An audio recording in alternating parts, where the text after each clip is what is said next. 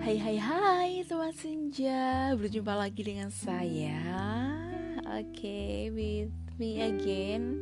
In this episode we will talking about Jamu or herbal medicine from Indonesia. Okay.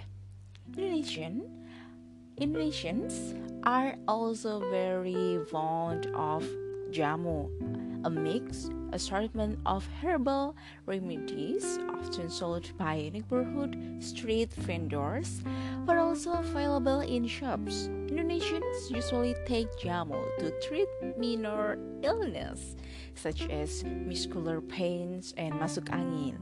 Additionally, Indonesians might take jamu simply for an energy boost or to maintain their stamina throughout a long working day.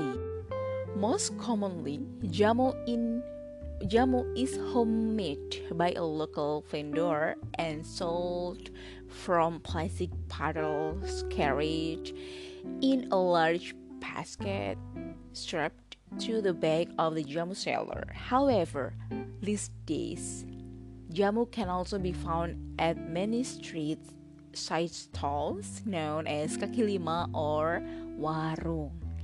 Increasingly, however, Indonesian factories are producing jamu on an industrial scale, thus endangering the business of the traditional neighborhood jamu vendors.